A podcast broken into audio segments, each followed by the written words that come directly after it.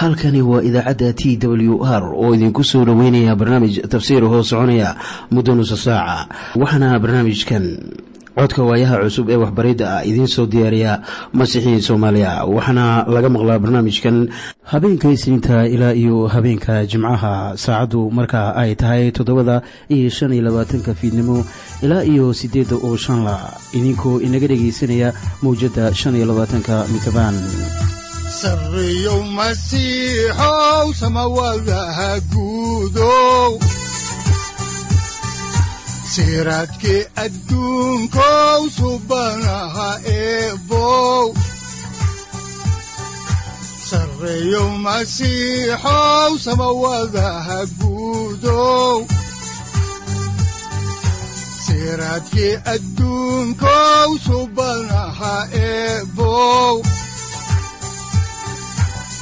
adigoo samaada jiro ifkaan soo saldhiganba adigoo samaada jiro ifkaan soo saldhiganba kutubtiisanaaye wuxunogu saaciiday sharxin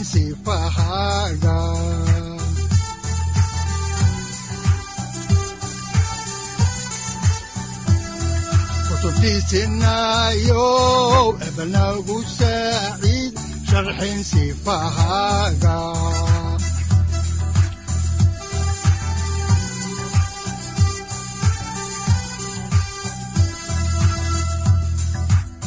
Satirow ilaahow adanku su'aalne satirow ilaahow adanku su'aalne safarka kulibana samaha masiixoon sabilahaynaga yee mar kale ayaanu dhegaystayaal idinku soo dhoweynaynaa barnaamijka waxaana aanu caaway mar kale idin bilaabi doonaa barnaamijkii taxanaha ahaa oo aad jeclaydeen ee dhexmarka kitaabka quduuska waa barnaamij aanu ku rogrogayno baalasha kitaabka bibaleka uu ka kooban yahay haddii uu ahaan lahaa kutubtii axdigii hore ama kuwa axdiga cusub. Waxaa kitaabkan uu ka kooban yahay lix iyo lixdan kitaab toddoba iyo labaatan kitaab. Waxa weeyaan axdiga cusub sagaal iyo soddonna waa kutubtii axdigii hore. Waxaana aan bilaabaynaa fiidnimada isniinta oo taariikhdu ay tahay labadii bishii disembar labada kun iyo koob iyo tobanka waxaana aan ku niyad samahay in aad waxyaabo badan kala soo bixi doontaan waxbariddan qotada dheer leh.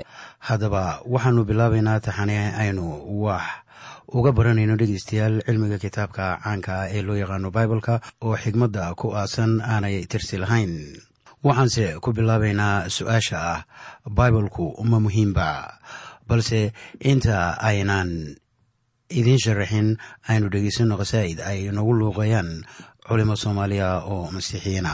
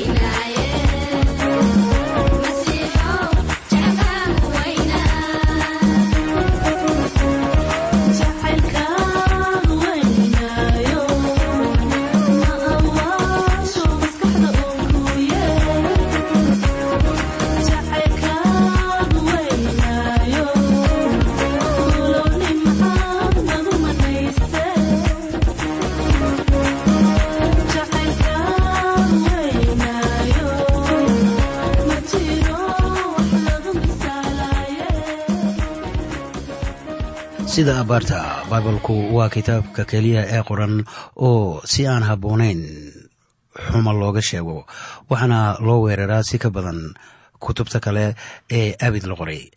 Welibana kitaabkan waxa uu la hadlay amaba la hadlaa malaayiin dada oo caalamka ku nool oo sidaas ayaa loogu xirnaa dhanka wacyigelinta kumanaan sannadood kitaabka caynkana oo waxtar u leh bani aadamka hubaashi wuu u qalmaa in ragga iyo dumarkuba ay fiiro gaar ah siiyaan. Ninka la yidhaahdo sir walter scott markii uu u soo dhowaaday wakhtigii uu xijaaban lahaa ayaa waxa uu ku yidhi ama weydiistay ninka la yidhaahdo lokat inuu isaga u akhriyo kitaabka. Markaasaa lokat indhaha la raacay buugag fara badan oo uu qoray walter. Markaasuu ku yidhi kitaabkee baan ku keenaa ama aan ku akhriyaa? Dabeetana walter scott baa waxa uu yidhi maxaad sidaas u leedahay? Waxaa jira hal kitaab waana baibalka ee eken. Haddaba waxaa jira kitaab ay leeyihiin dadka dhimanaya laakiin welibana waa kitaab ay leeyihiin kuwa nool. Dad aad u badan ayaan xiise u haynin baibalka ilaa ay soo gaaraan dhammaadka noloshooda amase markay dhibaato haleesho. Inkastoo ay wanaagsan tahay in la haysto kitaab aad ka helayso qalbiqaboojin wakhtiga qofka uu da-gaaro ama shidaysan yahay. Haddana kitaabkaasu waxa uu adiga ku yahay mid aad ku noolaato oo aad ka hesho nolol macno leh oo buuxda. Waa kitaab lagula tacaamulo nolosha maanta iyo mid sharaxaya jidka keliya ee hubaasha ah ee dunida ilaa iyo dunida imanaysa ama maalinta qiyaamaha. Waa kitaabka keliya ee ina awoodsiinaya in aan iska caabinno waxyaalaha lama filaanka ah oo welibana nasteexo looga helo naxdinta nolosha inagu qabsata. Kitaabka baibalka wuu ka duwan yahay kitaab kasta ee kale. Markaana kitaabkan waxa uu kiciyey rag waaweyn kuwaasoo iyaguna jamaco badan ka samaystay dunida. Balan idinla wadaago qoraallo dhowra oo aan ka soo xiganayo kutub kala duwan. Waxaan maqlay amiir afrikaana oo booqasho ku yimid dalka ingiriiska. Ayaa waxaa loo keenay boqoradda ingiriiska oo la oran jiray queen victoria. Amiirkan su'aal cajiib ah ayaa uu weydiiyey boqoradda oo waxa uu yidhi waa maxay sirta ka dambeysa awoodda ballaaran ee ingiriiska? Markaasaa boqoraddii soo laacday noqli ka mid a baibalka. Markaasay u dhiibtay amiirkii iyada oo ku leh waa kan sirta ka dambeysa weynaanta dalka ingiriiska. Waxaa markaa aan la yaabanahayay amaan is idhaahdaa haddii ingiriiska hadda lagu riixay kaalinta labaad ama tan saddexaad xagga awoodda dunida intaasu ay ka macno tahay in ay ka tageen erayadii ilaah ra'iisul wasaare gladstone oo isagu ahaa nin xagga sharciga dalka ingiriiska looga haray ayaa yidhi isweydiiya ama ka hadla su'aalaha maanta. Ha yeeshee waxaa jira oo keliya hal su'aal taasina waa injiilka kaasoo awooda oo wax waliba sixi doona. Waxaana aan ku faraxsanahay inaan idhaahdo waxaan ku fadhiyey kursi dowladeed konton iyo siddeed sano ama siddeed iyo konton sannadood oo aan kow iyo toban sannadood oo ka mid ah ka tirsanaa golaha wasiirada ee dowladda ingiriiska. Toddoba-iyo afartankii sannadood ee kale waxaan wax la wadaagay lixdankii qof ee ugu xigmadda badnaa qarnigan iyaga oo dhan shan maahee waxay ahaayeen masiixiyiin. Haddaba aniga waxa ay ila tahay shakhsiyan in qayb ka mid ah dhibaatada maanta dunida haysata ay tahay in masiixiyiin aan badnayn ay xukunka hayaan oo kuwa waxgarashada u leh hadallada ilaah ay aad intaa uga sii yaryihiin michael faraday oo ahaa malaha ninkii ugu caansanaa siyaasiyiintii qarnigii siddeed iyo tobanaad ayaa waxauu yidhi laakiin maxay dadku u baadiyoobaan iyaga oo haysta kitaabkan barakadaysan ee ilaah oo hogaaminaya sir isaac newton oo isagu ahaa sayntistay qarnigii sagaal iyo tobanaad noolaa ayaa laga qoray inuu yidhi haddii baibalku run yahay waxaa iman doona wakhti dadku ay safri doonaan konton mayl saacadiiba waayo wakhtiga sir isaac newton uu noolaa dadku ma ayan safri karin konton mayl saacadiiba iminkana waxaanu ognahay in diyaaraduhu ay safraan in ka badan toddoba boqol oo mayl saacadiiba ninkii la oran jiray haddaba volsha oo ahaa dooda faransiisa ayaa waxa uu yidhi miskiinkii isxaaq ahaa riyadiisii buu ku jiray markii uu jeediyey waxigaas. Waxa keliya oo ay muujinaysaa buu yidhi waxa barashada bibaleka ay ku samayn karto maskax ku qotonta sayniska cilmiga ku dhisan.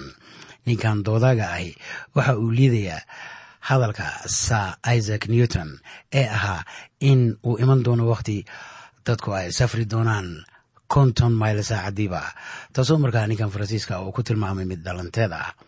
Waa arrin haddaba haboon inaannu maanka ku hayno wixii ay ka qoreen madaxdii dalka maraykanka kitaabkan bibaleka ninka la yidhaahdo john adams oo ahaa madaxweynihii labaad ee dalka maraykanka ayaa waxauu yidhi waxa aan u kuur galay wax kasta hadday ahaan lahayd qorniinka iyo wax kastee kale ee ay ii fasaxayso noloshayda mashquulka ah natiijaduna waxay noqotay in baibalku yahay kitaabka ugu wanaagsan ee dunida.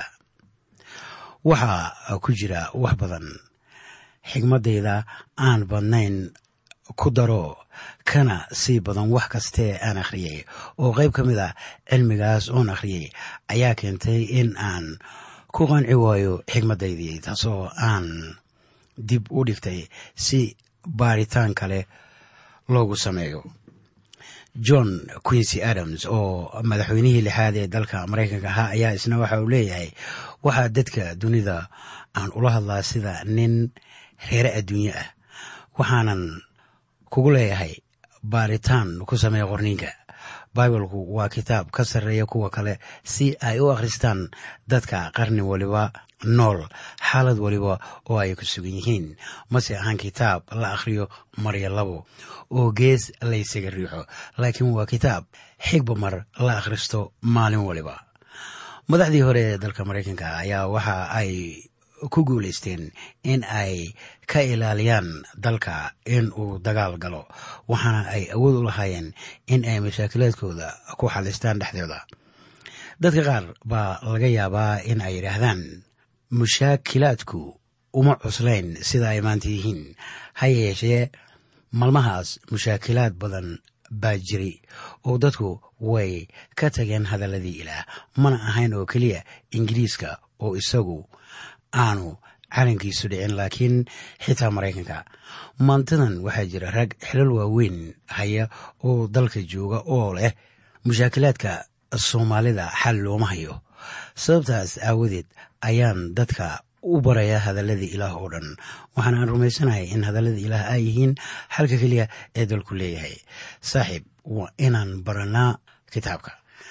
Madaxweynihii saddexaad ee dalka maraykanka ayaa laga qoray inuu yidhi waxaan mar waliba oran jiray oo mar walibana aan idhaahdaa barashada kitaabka quduuska ah. Waxa uu keenaa in dadku ay noqdaan wadaniyan wanaagsan iyo rag wanaagsan iyo aabbayaal wanaagsan. Taasina waa wax ay tahay in aan maanta u fiirsano marka dadka iyagu ay ku guuldaraysteen guurkii runta ahaa. Daniel webster oo ahaa nin duuli ah oo ahaa senator caan ah sanadadii ay laba lixaadsatay kacaankii loo galay in la helo xisbi labaad oo kula tartama siyaasadda xisbiga talada hayay ayaa waxaa laga qoray inuu yidhi haddii waxun loogu xisho hanaankayga iyo fikirkayga waxaa mahaddaa leh waalidkay oo igu abaabiyey wakhti hore jacaylka qorniinka hadallada ilaah. Waa sidee adiga maanta walaalkayga masiixiga ahow miyaad ilmahaaga ku abaabisaa hadallada ilaah?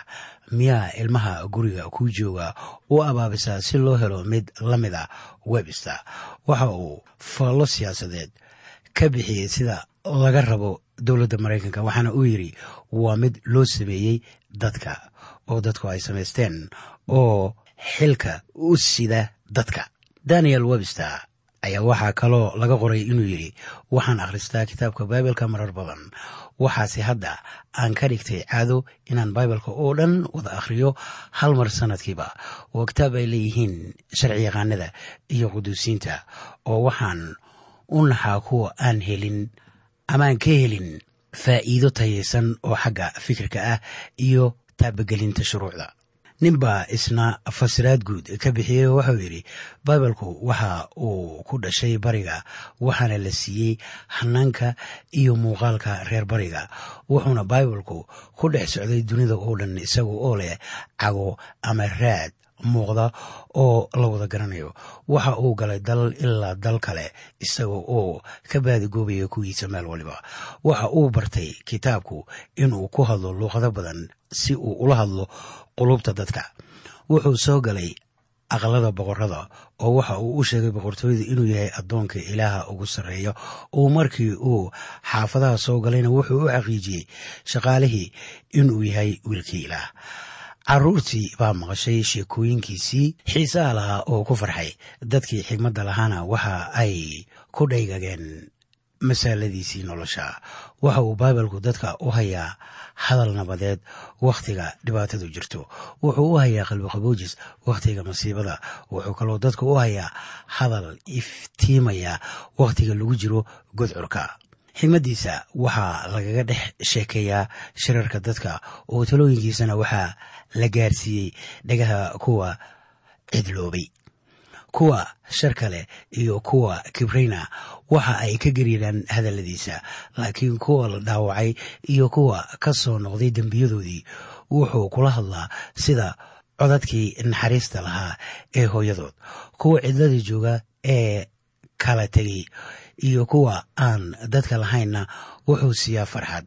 Faynuusaha iyo shumacyaduna waxa ay u shidan yihiin in lagu akhriyo baalashiisa kitaabku waxa uu inageliyaa ididiilo wanaagsan si jacaylka iyo saaxiibtinimada iyo naxariista iyo cibaadada. Xusuusta iyo rajadaba uga soo dhex iftiimaan hadalladiisa qaaliga ee carafta udayga iyo saxaansaxada wanaagsanba leh haddaan intaa uga baxno haddaba faaladii henry vandig iyo su'aashii koowaadee ahayd miyaa baibalku muhiim yahay ayaan iminkana u soo weecanaynaa su'aasha labaad ee ah sidee buu baibalku ku noqday mid ka soocan kutubta kale? Marka siyaabo badan haddaba loo eego baibalku waa kitaabka keliya ee aan caadiga ahayn. Tusaale ahaan waxa uu leeyahay laba qoraa. Marka si loo eego waa ilaah oo ah qoraha baibalka marka si kale loo eegana dadka ayaa qoray baibalka dabcan baibalka waxaa qoray ugu dhowaan afartan qoraa oo kala noolaa wakhtiyo kala duwan oo lagu qiyaasay kun iyo shan boqol oo sannadood. Qaar ka mida raggaas isma ayan aqoon oo welibana isma ayan mucaaradin afartankaas qoraaga ah laba ama saddex ka mid ah ayaa isgaranayay laakiin inta kale isma ayan aqoon welibana waxa ay qoreen kitaab caaqibo leh oo isdaba taxan oo wax lala sima ayan jirin. Xitaa wax khaladaada ma lahan. Qoraa weliba waxa uu cabiray dareenkiisa iyo kan dadkii qarnigiisa noolahaa mid waliba xad buu lahaa oo khaladaadna beri kama ahayn. Miskiinkii muuse ahaa khaladaad buu galay. Laakiin markii uu qorayey shanta kitaab ee ugu horreeya baibalka wax khalada ma aanu qorin.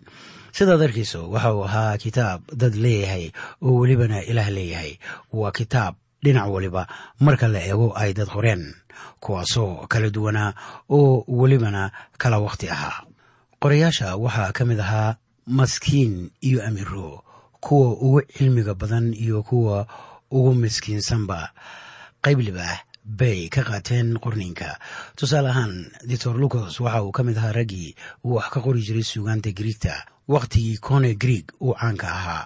Qoraalkiisa luuqadda griiga wuxuu ahaa mid heer sare ah laakiin haddana simon butros oo isagu ahaa kalluumaysato ayaa wax ku qoray luuqadda griigta simon butros qoraalka kuma wanaagsanayn laakiin ruuxa quduuska ayaa isticmaalay raggaas. Waxa uu ruuxa ka dhigay in ay fikirkooda cabiraan oo dareenkoodana muujiyaan. Welibana isla hanaankaas ayaa ruuxa quduuska ee ilaah awooday inuu iyaga ku hogaamiyo waxa ay qoriyeen isla sida in ilaah qorayay waxa uu lahaa. Taasina waa mid ka mid ah wacdaraha kitaabka baibalka waa kitaab ilaah oo waxaana ilaah inoogu sheegayaa baibalka in ka badan laba kun iyo shan boqol oo goor ilaa wuxuu leeyahay rabbigu wuxuu leeyahay wuxuu rabbigu idinku leeyahay. Ilaa waxa uu bayaamiyey in uu inagula hadlayo kitaabkan oo waa kitaab nolosha wax kaa barya waxaad kaloo kitaabkan ku noqon kartaa mid ka mida muuminiinta ilaah oo ka mida qoyskiisa. Iyada oo aan laynagu dhalin abuur baaba-aya laakiin abuurka nool ee hadallada ilaah kaasoo nool oo inagu dhex jira oo waara. Kitaabku waa xiriir ilaah la samaynayo dadka. Haddii ay dhici lahayd in ilaah samada ka soo hadlo saacaddan wax kale ma yidhaahdeen wuxuuse ku soo noqon lahaa wixii horey loo qoray oo uu ku odhan lahaa qarnigan. Haddaba dadka munaaficaad kama helaan wararka jaraa'idyada welibana kuwii dayaxa tegey. Sooma ayan saarin wax aan ilaa horey inoogu sheegin oo kitaabka quduuska aan laynoogu qorin waa isla ilaahii abuuray carshigan aynu maanta ku noolnahay kan qoray kitaabkan. Haddaba baibalku waa quduus iyo wax dad qoray. Waxaa lagu tilmaamaa sida in uu dunida yimid ku wareegay harraaday oo fadhiistay ceelka. Inkastoo uu ahaa mid ilaah dhankiisa ka yimi haddana ciise waxa uu ahaa dad. Wuxuu dadka kula hadlay dunidan oo xiriir baa dhex maray. Kani waa kitaab kaasoo wax xiriiriya. Waxa uu la hadlaa dadka maanta oo baibalku waxa uu dadka ula hadlaa sida ay yihiin. Ninka la yidhaahdo bishop bolak ayaa waxa uu ka qoray faallo cayimano waxauu yidhi baibalku waa marin u dhexeeya laba daa'imis ah kaasoo ku hoos socda masiixa ilaah. Waa tallaabadiisa daahsoon ee soo marta axdigii hore laakiin isla baibalka dhexdiisa ayaanu isaga ula kulannaa sidan qol isugu nimid. Axdiga cusubna waxaan ku aragnaa masiixa oo keliya oo aniga dartay loo khudbay oo aan saamaxaad u helay dembigayga oo weliba waxaan helay nolosha daa'imka. Axdigii hore waxaa lagu soo koobay hadallada masiixa. Axdiga cusubna waxaa lagu soo koobay hadalladii masiixa. Gunaanadkana waxa weeye in ciise uu yahay masiixa. Si aan shaki ku jirin ayaa loo caddeeyey arrinka khuseeya in kitaabku ka soocan yahay kutubta kale. Haddaba caddaymaha kitaabka ayaanu ku soo qaadan doonaa barnaamijyada xiga. Waxaanan u daraynayaa haddaba dhegaystayaal inaad wax badan ka baranaysaan. Taxanahan looga hadlayo horudhaca duruustan aynu ku baranayno kitaabka baibalka oo dhan gebigiisba. Waxaan haatan soo gaarnay guntii iyo gebagabadii barnaamijka. Waxaanan wada dhegaysanaynaa haddaba qhasiidadii ahayd warsan baan maqalnay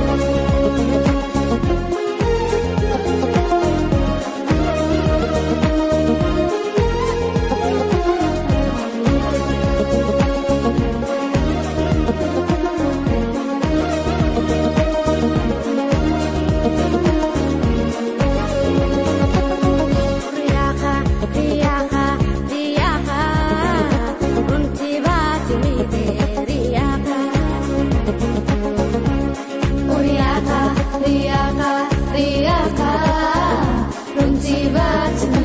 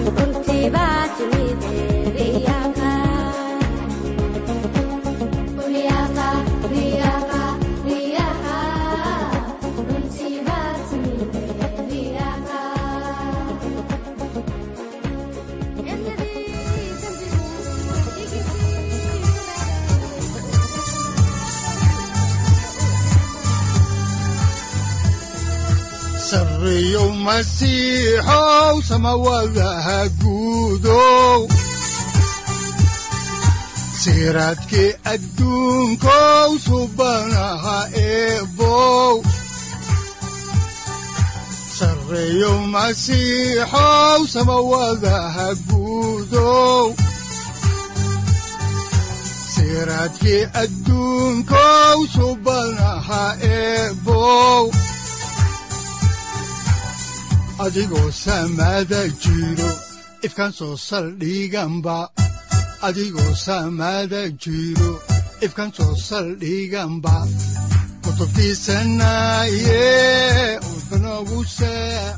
halkani waa t w r idaacadda t w r oo idinku leh ilaa ha idin barakeeyo oo ha idinku anfaco wixii aad caawi ka maqasheen barnaamijka.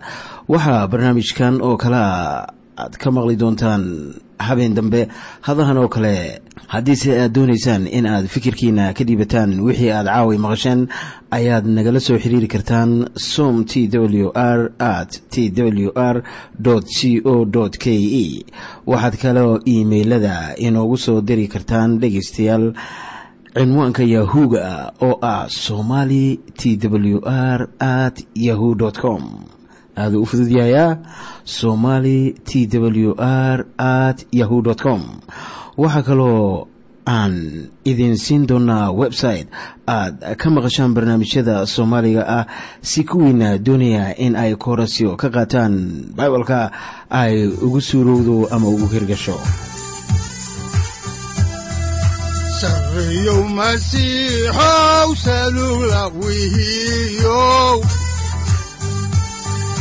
saacadda timid dhulka sabada ku dhalatiyo